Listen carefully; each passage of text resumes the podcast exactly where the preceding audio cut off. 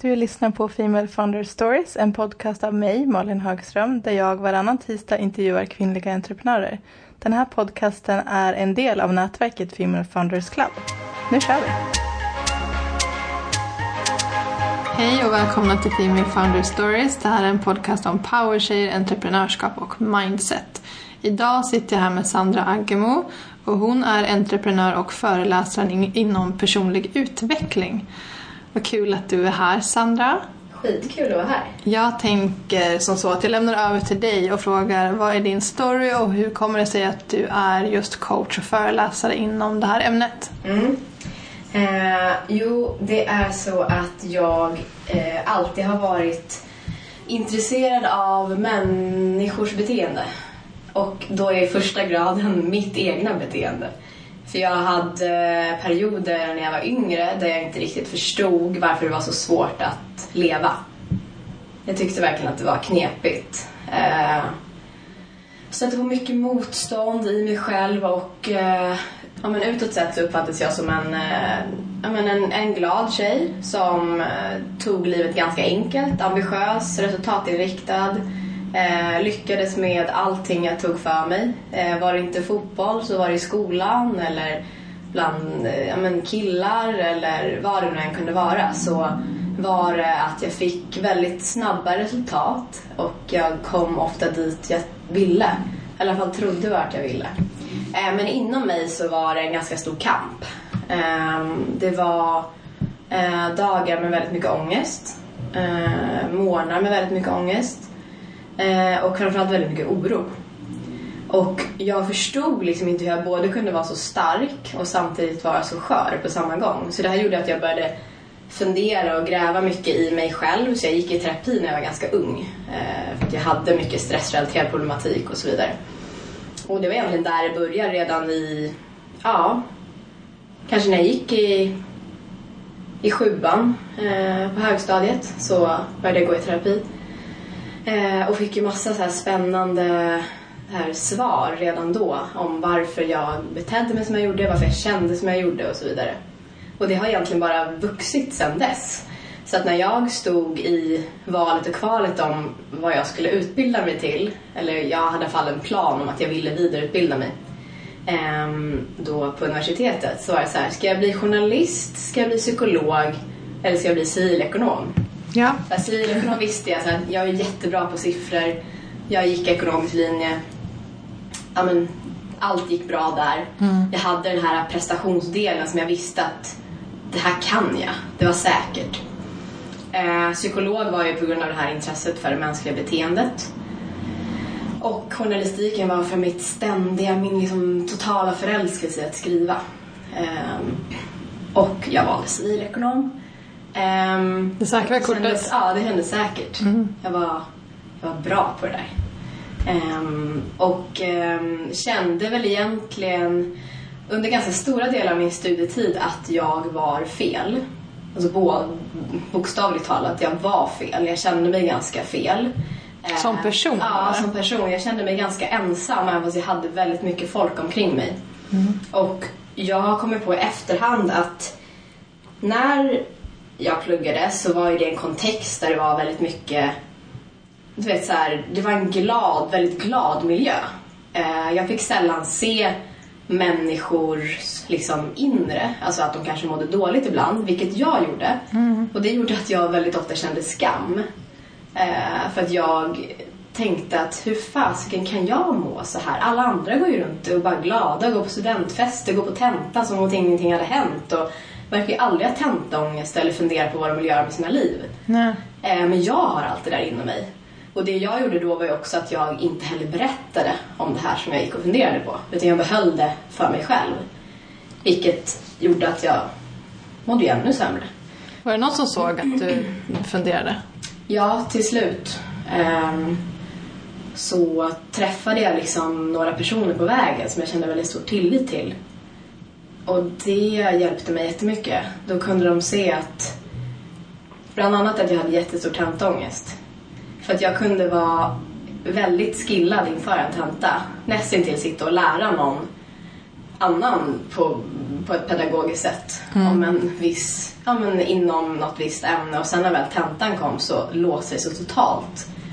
Ehm, så att där började jag prata lite grann men det var ju så sista ett och ett halvt åren. Då hade jag ändå gått i så två och ett halvt år och haft ganska mycket eh, ja, men oro och känt stor ensamhet.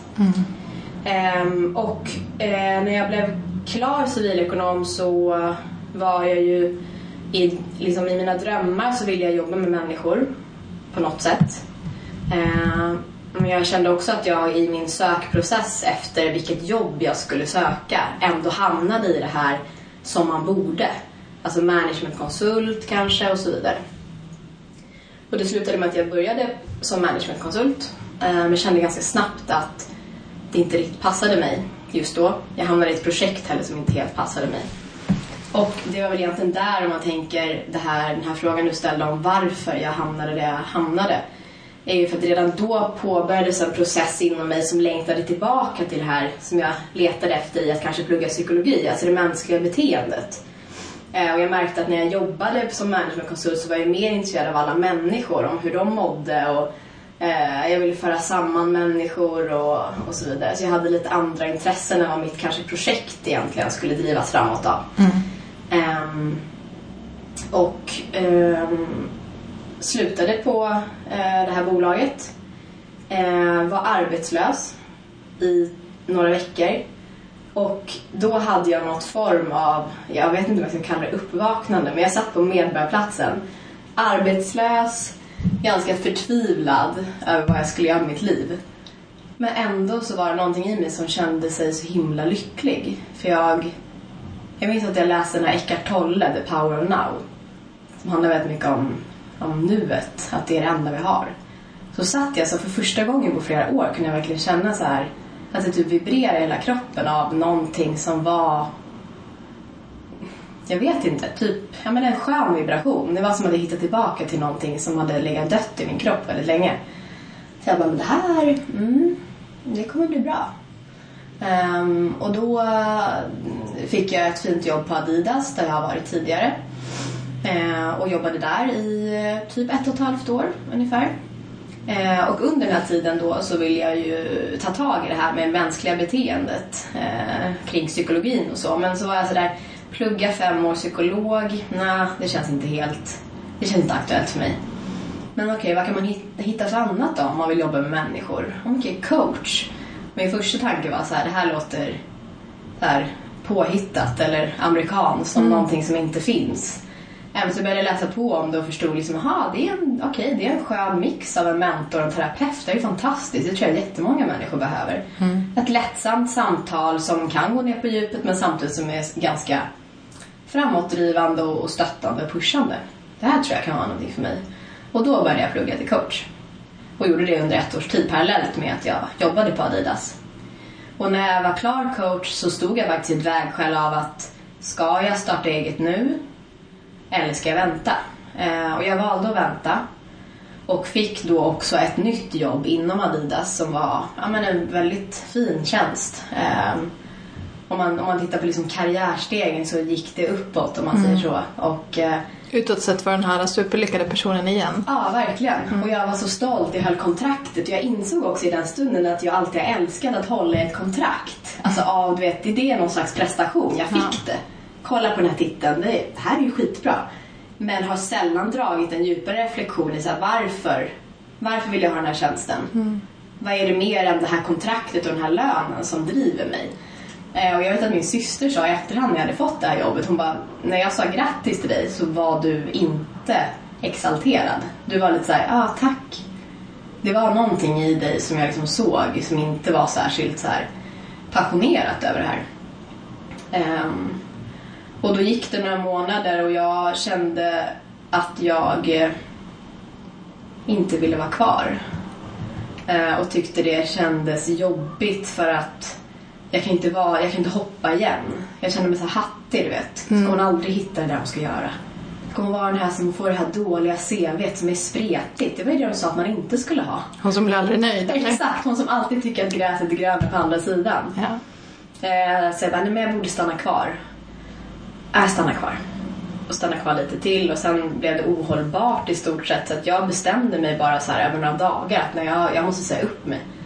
Um, och um, det var jätteskönt första veckan efter.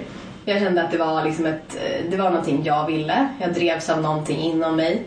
Eh, sen hamnade jag i någon slags smärre liksom, kris i att jag återigen kanske hoppat över det här varför. Alltså vad, var jag, vad är det jag vill nu? Vad är det jag ska? Mm. Så då var jag tvungen verkligen på riktigt att göra en mer så här djupgående resa inom mig själv. På riktigt. Eh, både med hjälp av coacher, terapeuter och liksom i mig själv. tog ganska mycket ledig tid faktiskt för att coachade också då eh, klienter men var, hade ganska mycket ledig tid egentligen för att kunna landa och så. Um, och så bestämde jag mig för att i alla fall bli certifierad coach för jag tyckte det var väldigt kul med coachyrket. Och det blev jag efter några månader. Och bestämde mig då förra året i eh, eh april, maj för att starta upp ett bolag.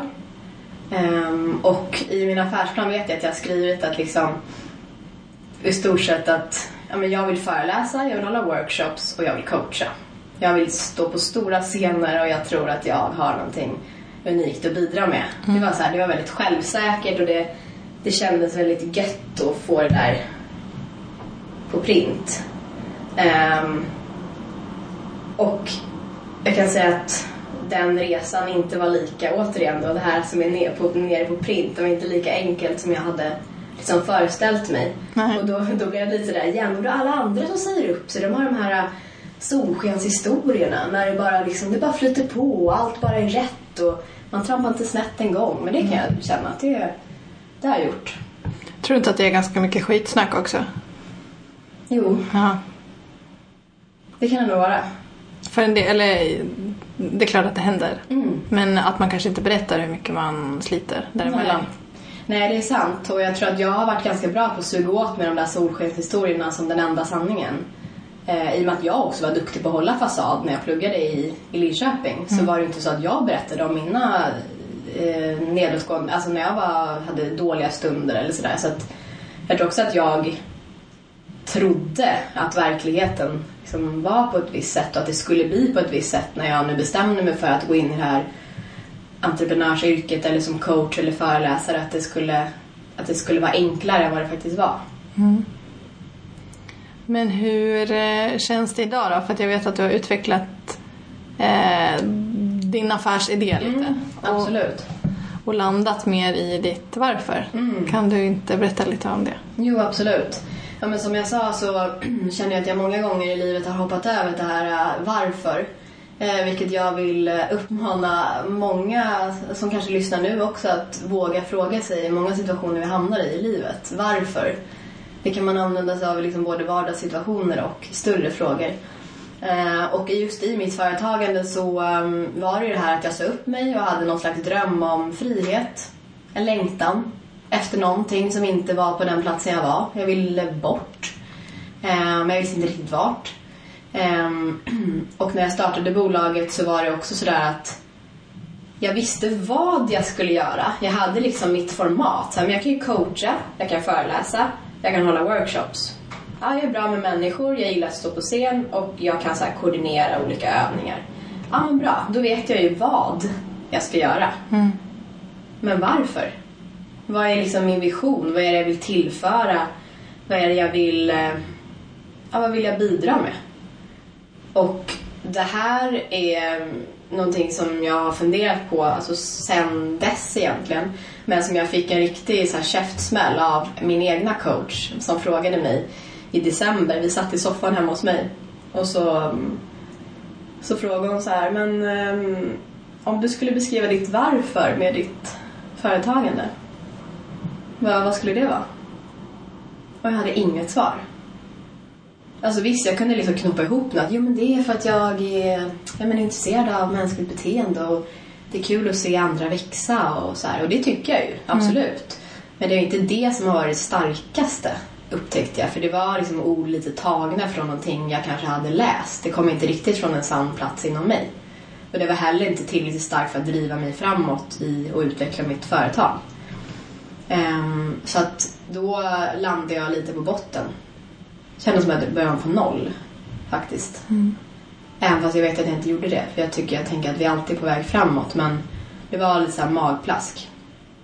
Ehm, men bara genom att låta mig själv landa lite på botten ett tag.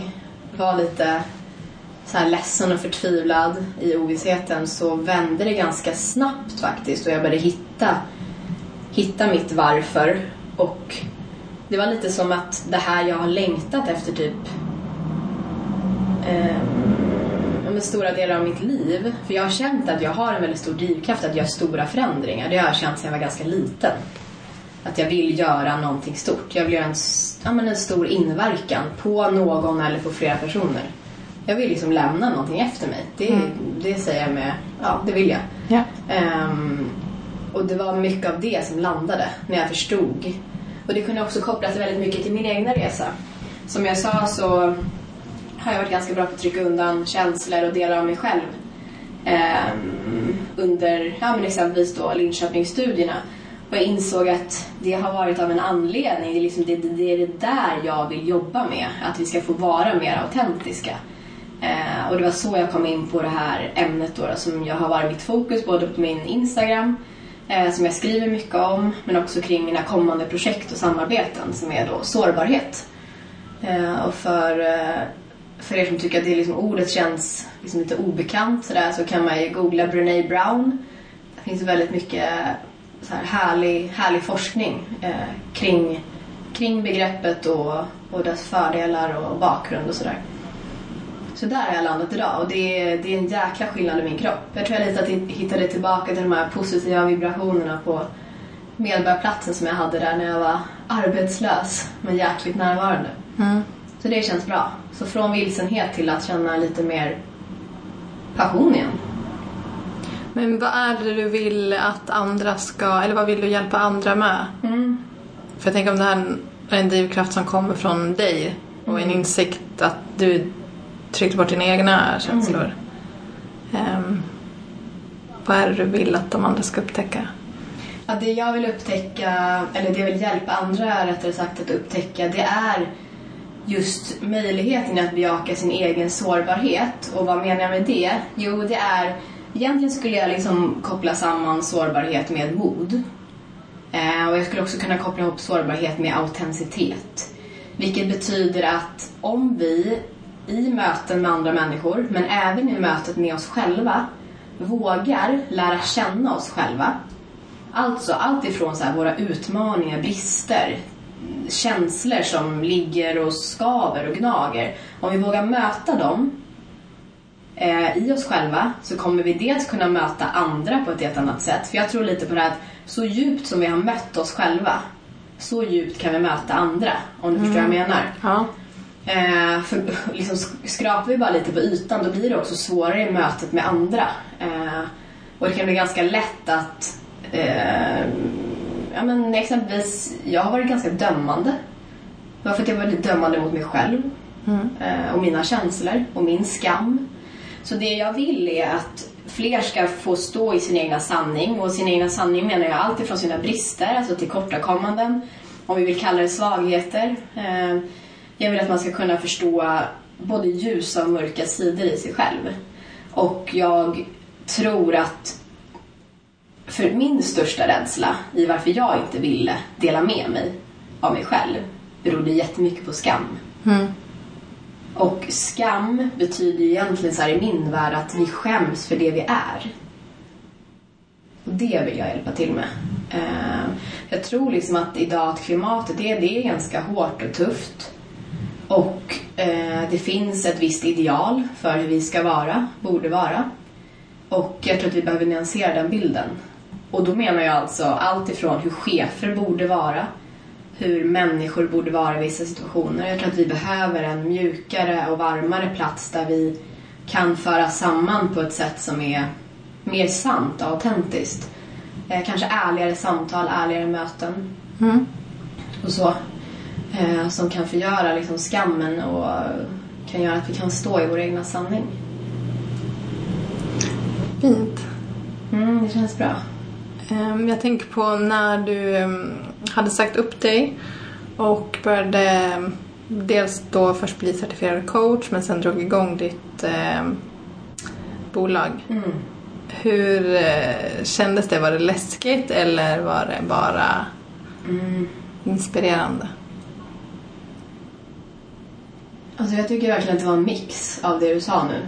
Det var så här 50% läskigt och 50% inspirerande. Och ibland undrar jag faktiskt om det är så att ofta när vi är inspirerade så är vi, ganska, så är vi nog lite rädda också. För jag tänker att när vi är inspirerade så är det någonting som betyder någonting.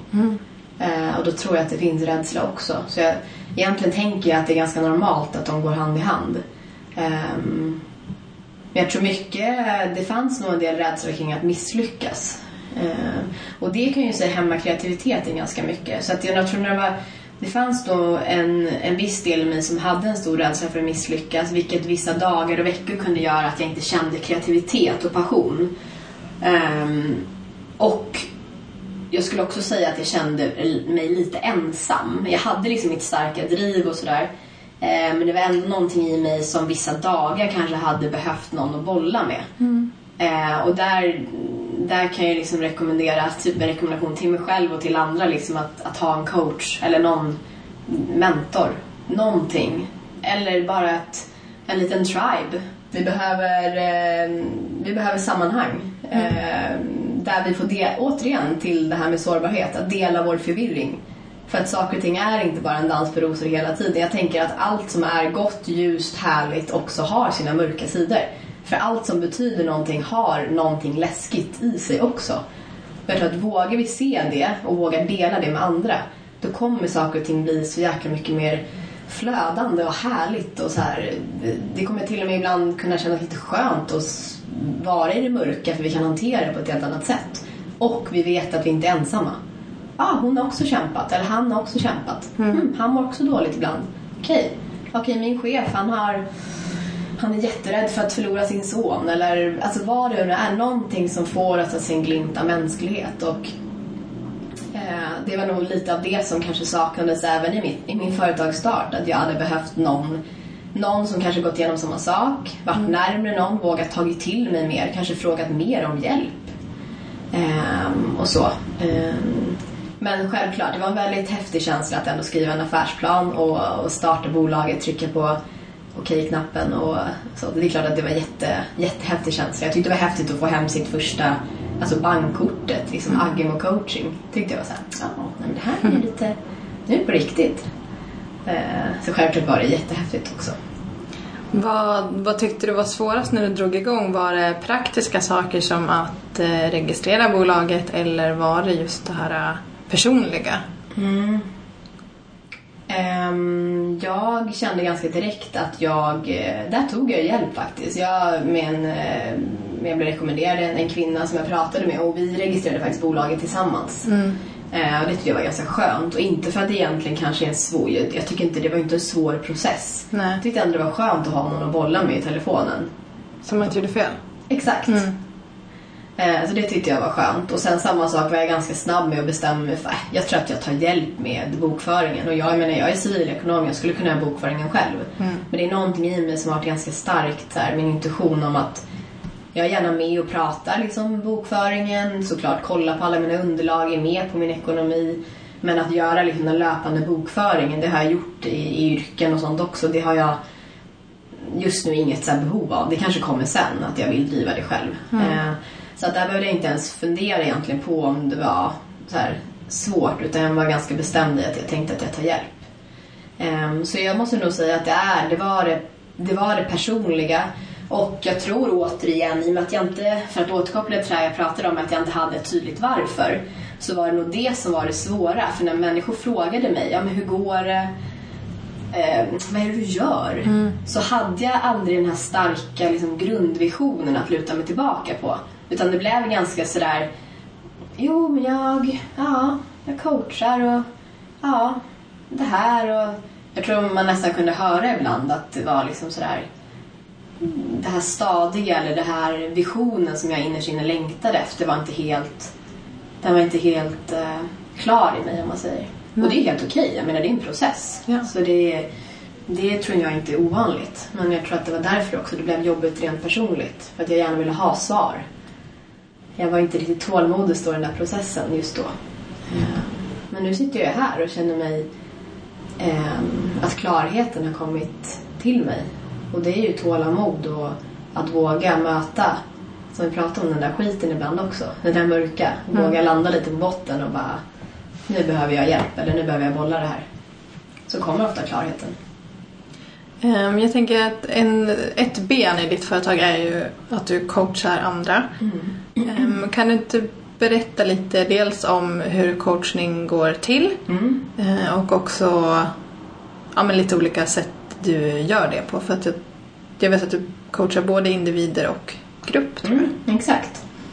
Ehm, när det handlar om eh, individer så har jag varit ganska bestämd från början att det, är, det ser lite olika ut beroende på vilket typ av område individen vill fokusera på.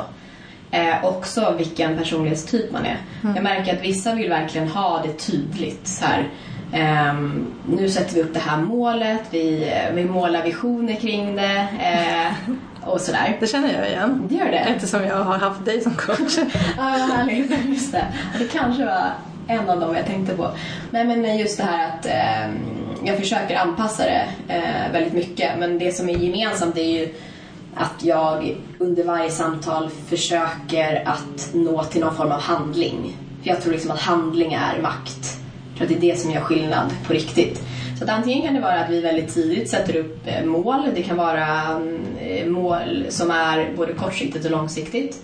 Vi, vi ritar och målar och vi, vi drömmer om det, drömmer stort. Eh, och sen eh, bygger vi som en handlingsplan utefter små steg som både kan eh, liksom generera skillnader liksom på ganska kort sikt men också eh, större steg som kanske är en mer långsiktig process som kanske snarare handlar om ett halvår.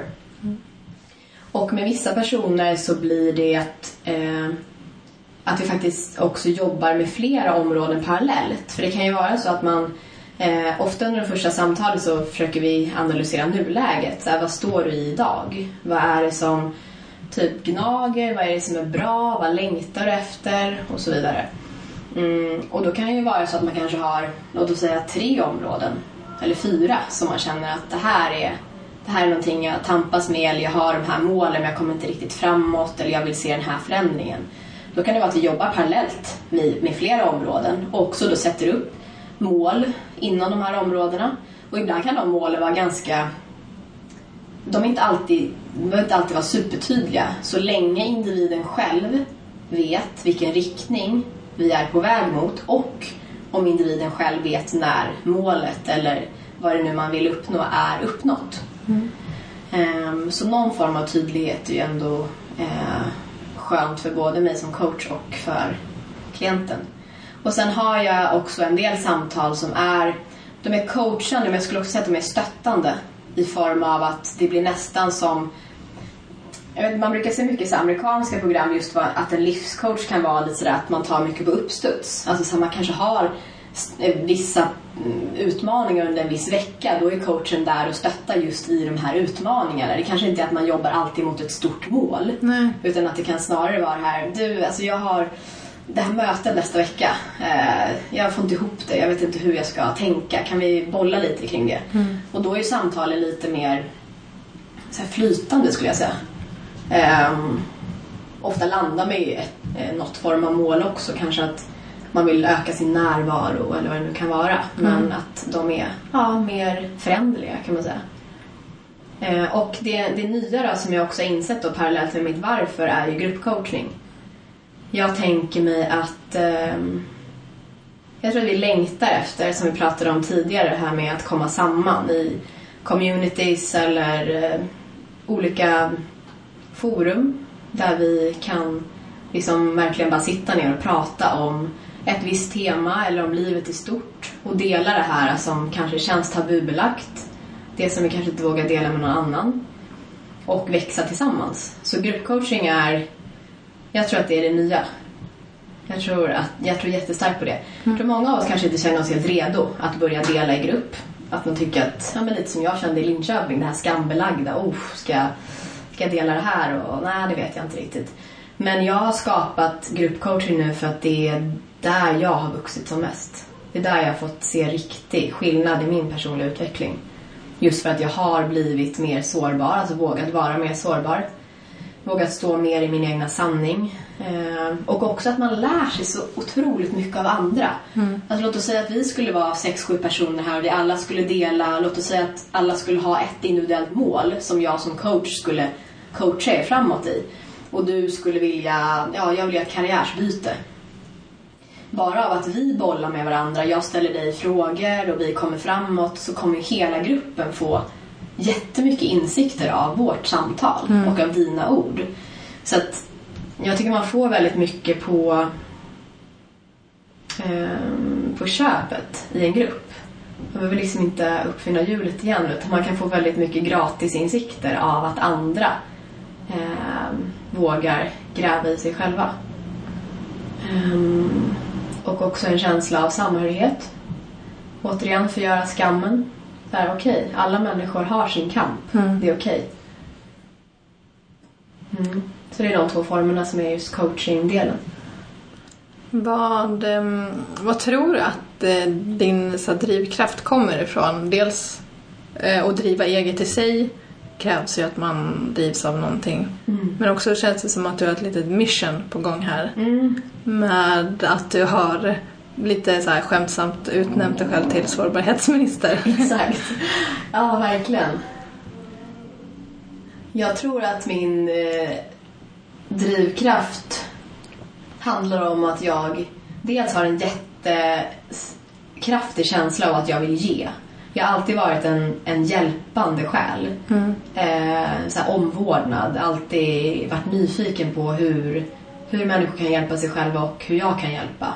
Så där tror jag liksom ligger någonting i grunden. Och sen är jag ju högkänslig själv också. Så att jag har aldrig kunnat blunda för saker som känns i ett rum eller hur människor känner eller eh, jag har fått tagit del av väldigt mycket information som jag vet kanske går vissa människor förbi. Eh, subtila detaljer eller ja, men, så små metaforer i samhället och, och sådär som jag och energier och vibrationer överallt. Ehm, så att jag tror jag har känt liksom att eh, jag har fått så mycket så information från hur människor mår och hur vi har det och hur, vi, så här, eh, hur samhället mår överlag som gör att jag inte riktigt kan blunda för vilka förändringar jag skulle vilja se och vad jag tror att vi skulle få må bättre av.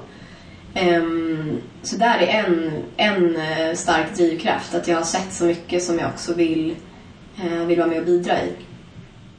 Och sen en annan del är ju att jag, uh, jag har ju alltid gillat uppmärksamhet.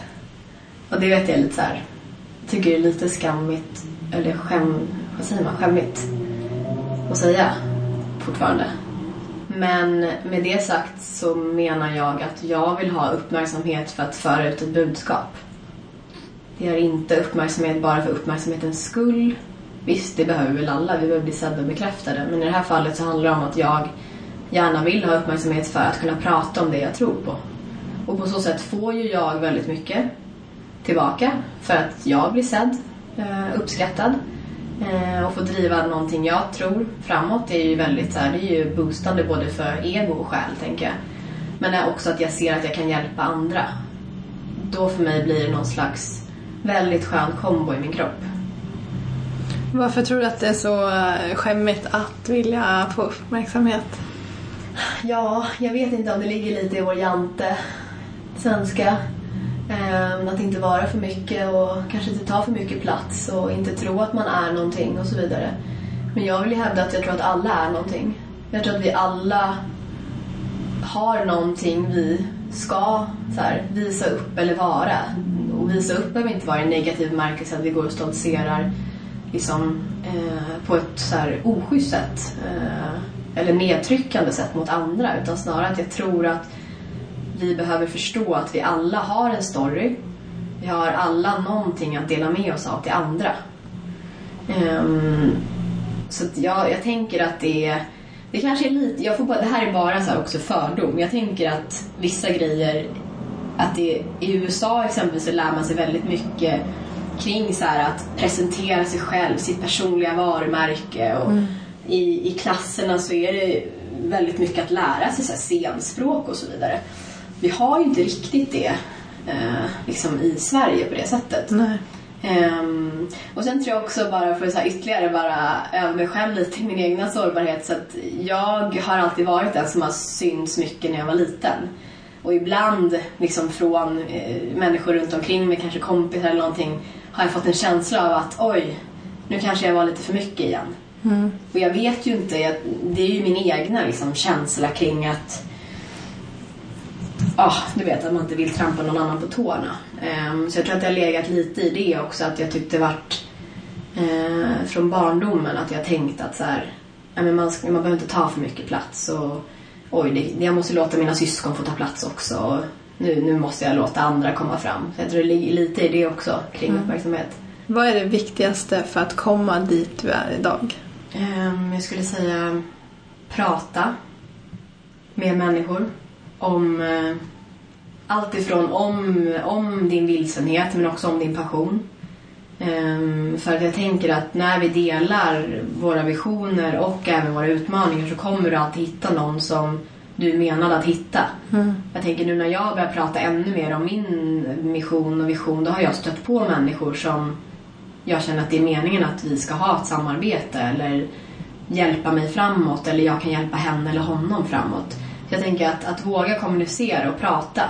Eh, för jag tänker också att vi ibland, om vi vill starta eget eller har en idé, att vi gärna vill gömma det. För vi tänker kanske, men tänk om någon annan tar den här idén eller Eller vad ska de tro? vad ska de tro? Då ska de tro att jag kan skapa det här företaget som jag tänker mig. Det, det går ju inte.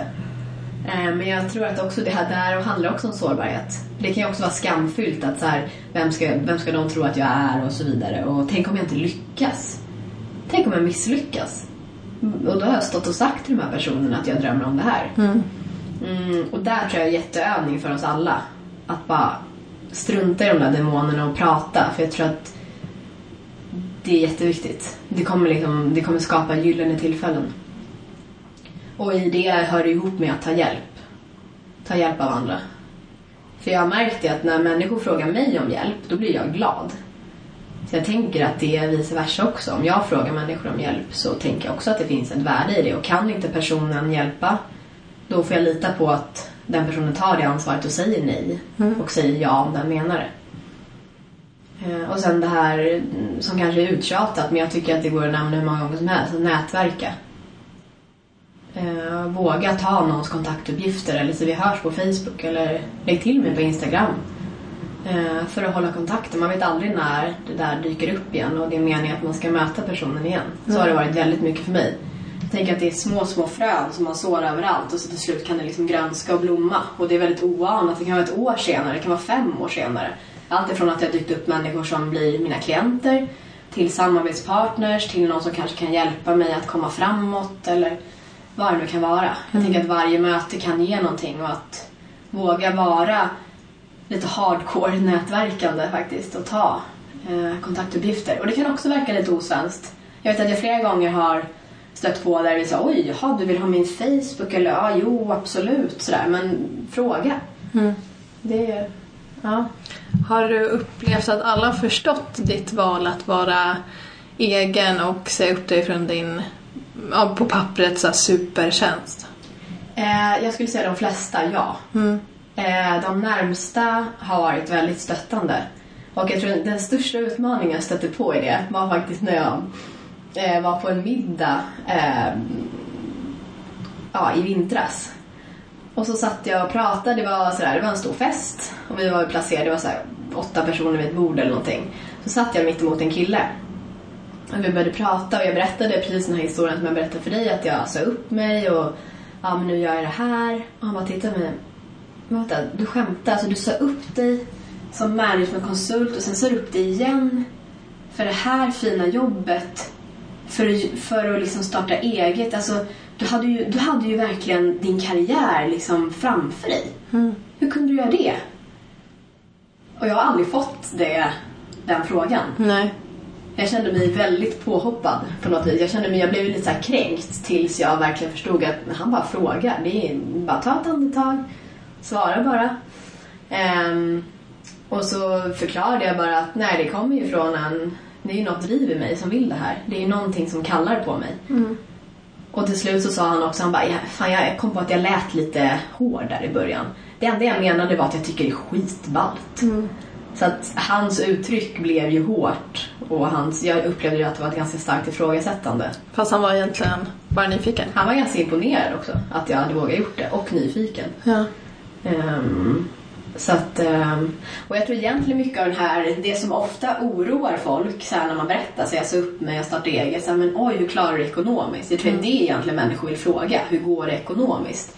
Så jag tror att oron är nästan sådär projicerad från ens egna, liksom om jag skulle göra det, hur skulle jag klara mig och hur skulle det gå? Hur gör hon?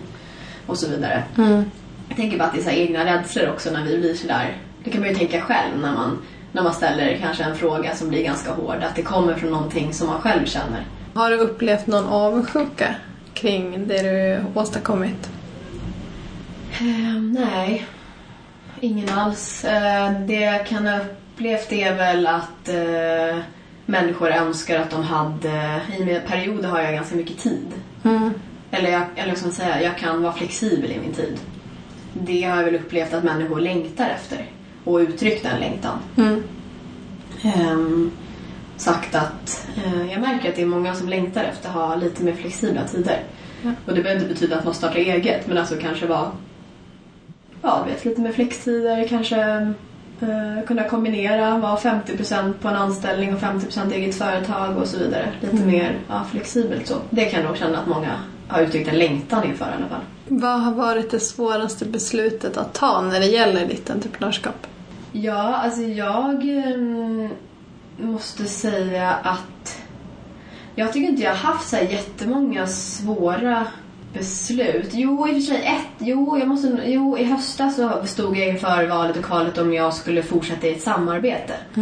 Ehm, som jag egentligen trivdes jättebra i. Men det var någonting i mig som sa att jag inte skulle göra det här nu. Och min inre röst har ju blivit väldigt stark. Eller den har egentligen alltid varit stark. Men jag har kunnat känna mer klarhet i den senaste tid. Så den sa ju bara så här, nej men det här det ska du inte göra nu. Samtidigt var mitt, mitt huvud sådär, min vilja var någonstans att jag ändå skulle stå kvar i samarbetet. Det tyckte jag blev jobbigt för att då blev det mycket tankar kring att eh, men om jag står kvar i det här då kommer det kunna möjliggöra de här fantastiska möjligheterna och nu går jag bara miste om dem. Det här Så det var mer otacksamt. rationaliserande. Exakt. Verkligen. Ehm, och det tyckte jag var lite jobbigt för att, eh, att säga nej betyder ju ibland att vi liksom, vi säger ju ofta ja till någonting annat men i min värld, jag tror jag har varit ganska dålig på att säga nej genom mina år till saker och ting. Eh, och då tycker jag alltid att det är ganska utmanande. Ehm, och sen även nu då. ehm, jag brinner ju väldigt mycket för hållbarhet och eh, kände att jag ville börja i mitt entreprenörskap även engagera mig i hållbarhetsfrågan. Så då har det varit nu på senare tid att jag har engagerat mig i ett företag som är jättespännande, som är ett startup. eh, Där jag får utnyttja mitt entreprenörskap. eh, Men där det såklart innebär att det går att jag behöver lägga lite färre timmar på min rena coaching och eh, föreläsande. Och det är klart, det var också en, en, ett beslut som jag ja, behövde ta. Men det var också väldigt tydligt att det kändes rätt nu i tiden. Och att det var meningen att jag fick möjligheten att göra det här uppdraget. Eh, Så det är också en sån grej att eh, okej, då behöver jag prioritera om min tid. Eh, Och sa ja. Och kanske då lite nej till vissa andra uppdrag. Men det känns, det känns väldigt bra det också. Hur ser du till att företaget utvecklas hela tiden? Eh, Jag ser till att jag själv utvecklas. Ja. Det är liksom, det har jag märkt. Det, Jag trodde nästan att du skulle svara det. Är det så? Ja. ja det, det, förut trodde jag inte att jag kunde svara så för att jag, skulle, jag tänkte att jag måste ha ett bättre svar. Ett mer business-svar. Exakt, ett bättre business-svar som inte är sådär, sådär flummigt kan man inte svara. Men det är precis gick ju bra. så. Det gick jättebra. Ja, det känns helt rätt när jag säger det.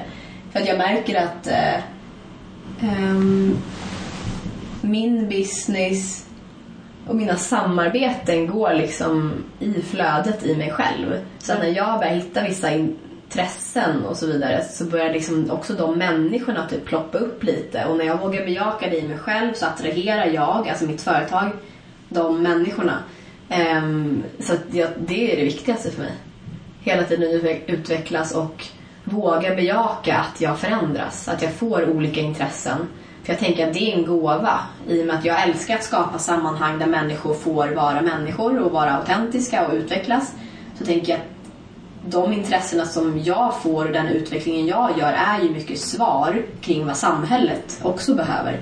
Så det är jätteviktigt för mig att bejaka mitt inre för att kunna skapa eh, ännu mer häftiga och roliga och härliga sammanhang för andra. Jag tänker när du startade ditt företag, hur fick du dina första kunder? För att just att ha en coach är inte, än så länge inte supervanligt i Sverige. Det är Nej. mer, som du sa tidigare, lite amerikanskt. Mm. Även om det växer. Precis. Jag körde Facebook. Ja. Typ Nej. annonser då eller Nej, jag körde inte. Nej, det var faktiskt i ett eh, community eh, som jag delade att eh, dels då när jag ville, när jag hade mål om att bli certifierad coach, då behöver man ju, jag tror det är 80, 80 certifierade praktiktimmar. Mm. Eh, då la jag ut det att eh, nu är jag snart eh, klar coach och jag letar efter klienter och så skrev jag upplägget och så vidare. Och då var det ganska många som nappade. Vilket gjorde att jag kunde certifiera mig. Att jag fick mina 80 timmar och sådär. Mm. Och sen efter det så har det varit att Facebook också varit en väldigt stor hjälp efter det. Men just i första skedet så var det ja, Facebook. Och människor som var i min vänskapskrets som kanske rekommenderade någon eller som själva kände att eh, jag vill gärna träffa dig som coach. Mm. Hur marknadsför du dig fortfarande på samma sätt? Eller har du bytt strategi? Nej, man skulle kunna säga att jag har samma strategi. Det är mycket Facebook och sen är det en del rekommendationer nu som börjar komma Mm. eh, från människor som har blivit coachade.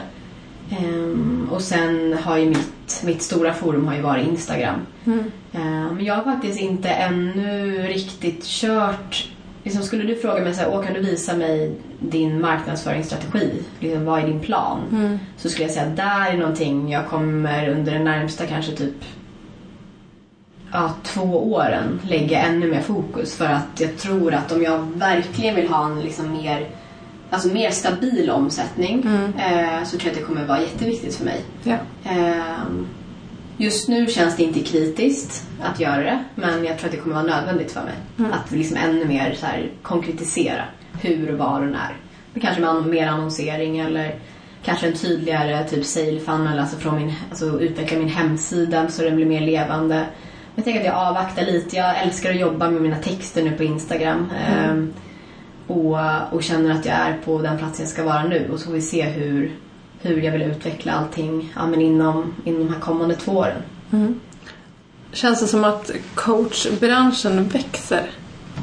Ja, det tycker jag. Verkligen. Eh, både vad gäller ja, både utbud och efterfrågan. Ja. Eh, så jag tycker det är fler och fler eh, som både blir coacher men också som vill bli, vill bli coachade. Ehm, och det tycker jag är jättekul. För, och varför jag tycker det är kul är för att jag tror att coaching som, coachning som teknik är väldigt värdefull även utanför professionen. För att egentligen handlar coachning om att förstå en annan människa. Mm. Och hur gör vi det? Jo, vi ställer frågor. Så att coachning för mig är en livsfilosofi. Det är egentligen att vara nyfiken på sina medmänniskor genom att ställa frågor och inte direkt säga att du borde göra så här. Nej. Ehm, Så jag tycker det är jättekul att branschen växer för jag tror det kommer gynna samhället eh, i stort. Vad tror du du och eh, ditt bolag gör om fem år? Mm, jag eh, tänker att jag eh, står på ännu större scener och föreläser. Um, det vore jättekul att hålla ett TED-talk. Ja, såklart. Ehm, och ehm, jag tänker att jag har skrivit en bok. Ehm, och jag tänker att min omsättning är mer stabil. Ehm, att den är liksom mer att lita på. Mm, nu är den liksom att det kan vara lite stora skillnader från månad till månad. Mm.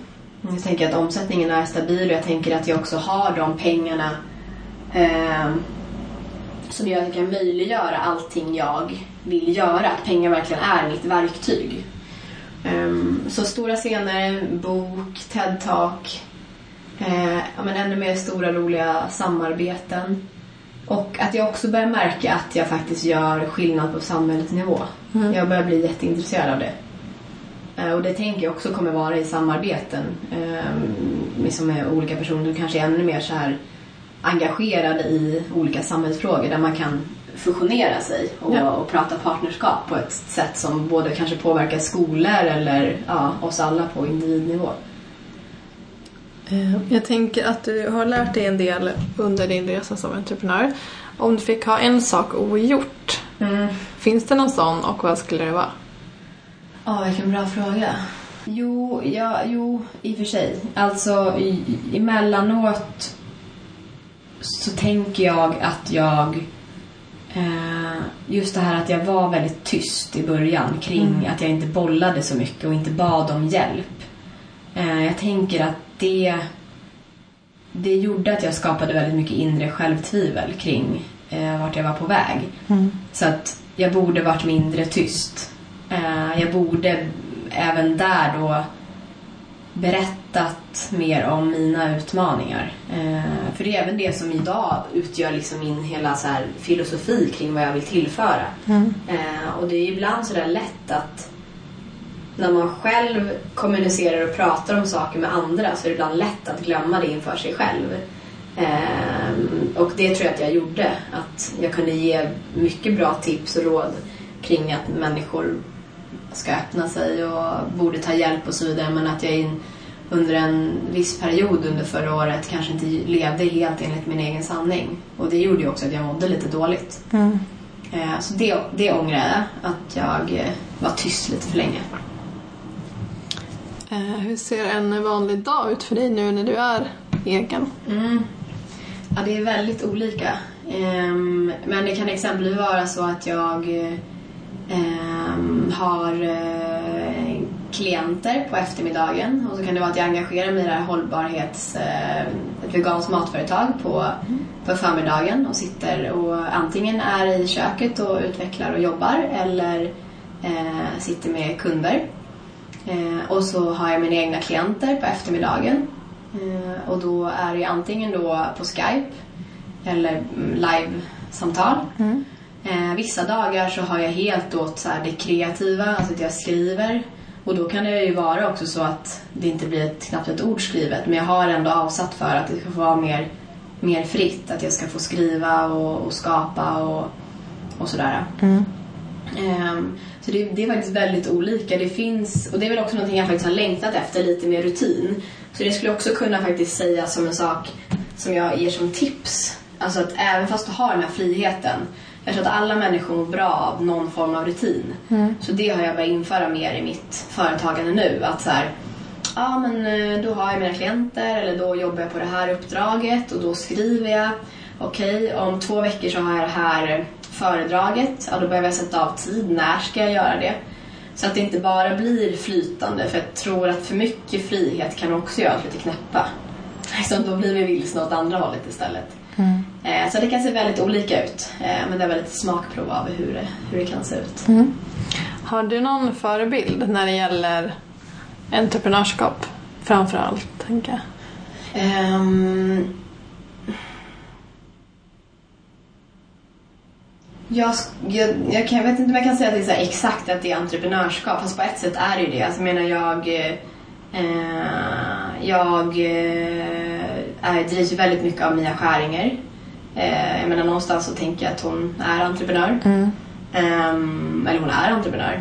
Eh, jag gillar hennes djup, hennes humor, hennes... Ja, hon visar sig också många gånger sårbar. Ehm, så det är en av mina förebilder. Men jag skulle inte säga att jag har någon klockren som jag varje dag liksom eh, påminner mig själv om i mitt entreprenörskap. Men jag har väldigt mycket så här, jag älskar Ellen DeGeneres. Jag älskar Oprah Winfrey.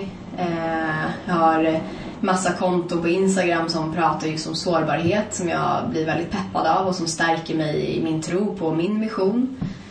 Ehm, och så.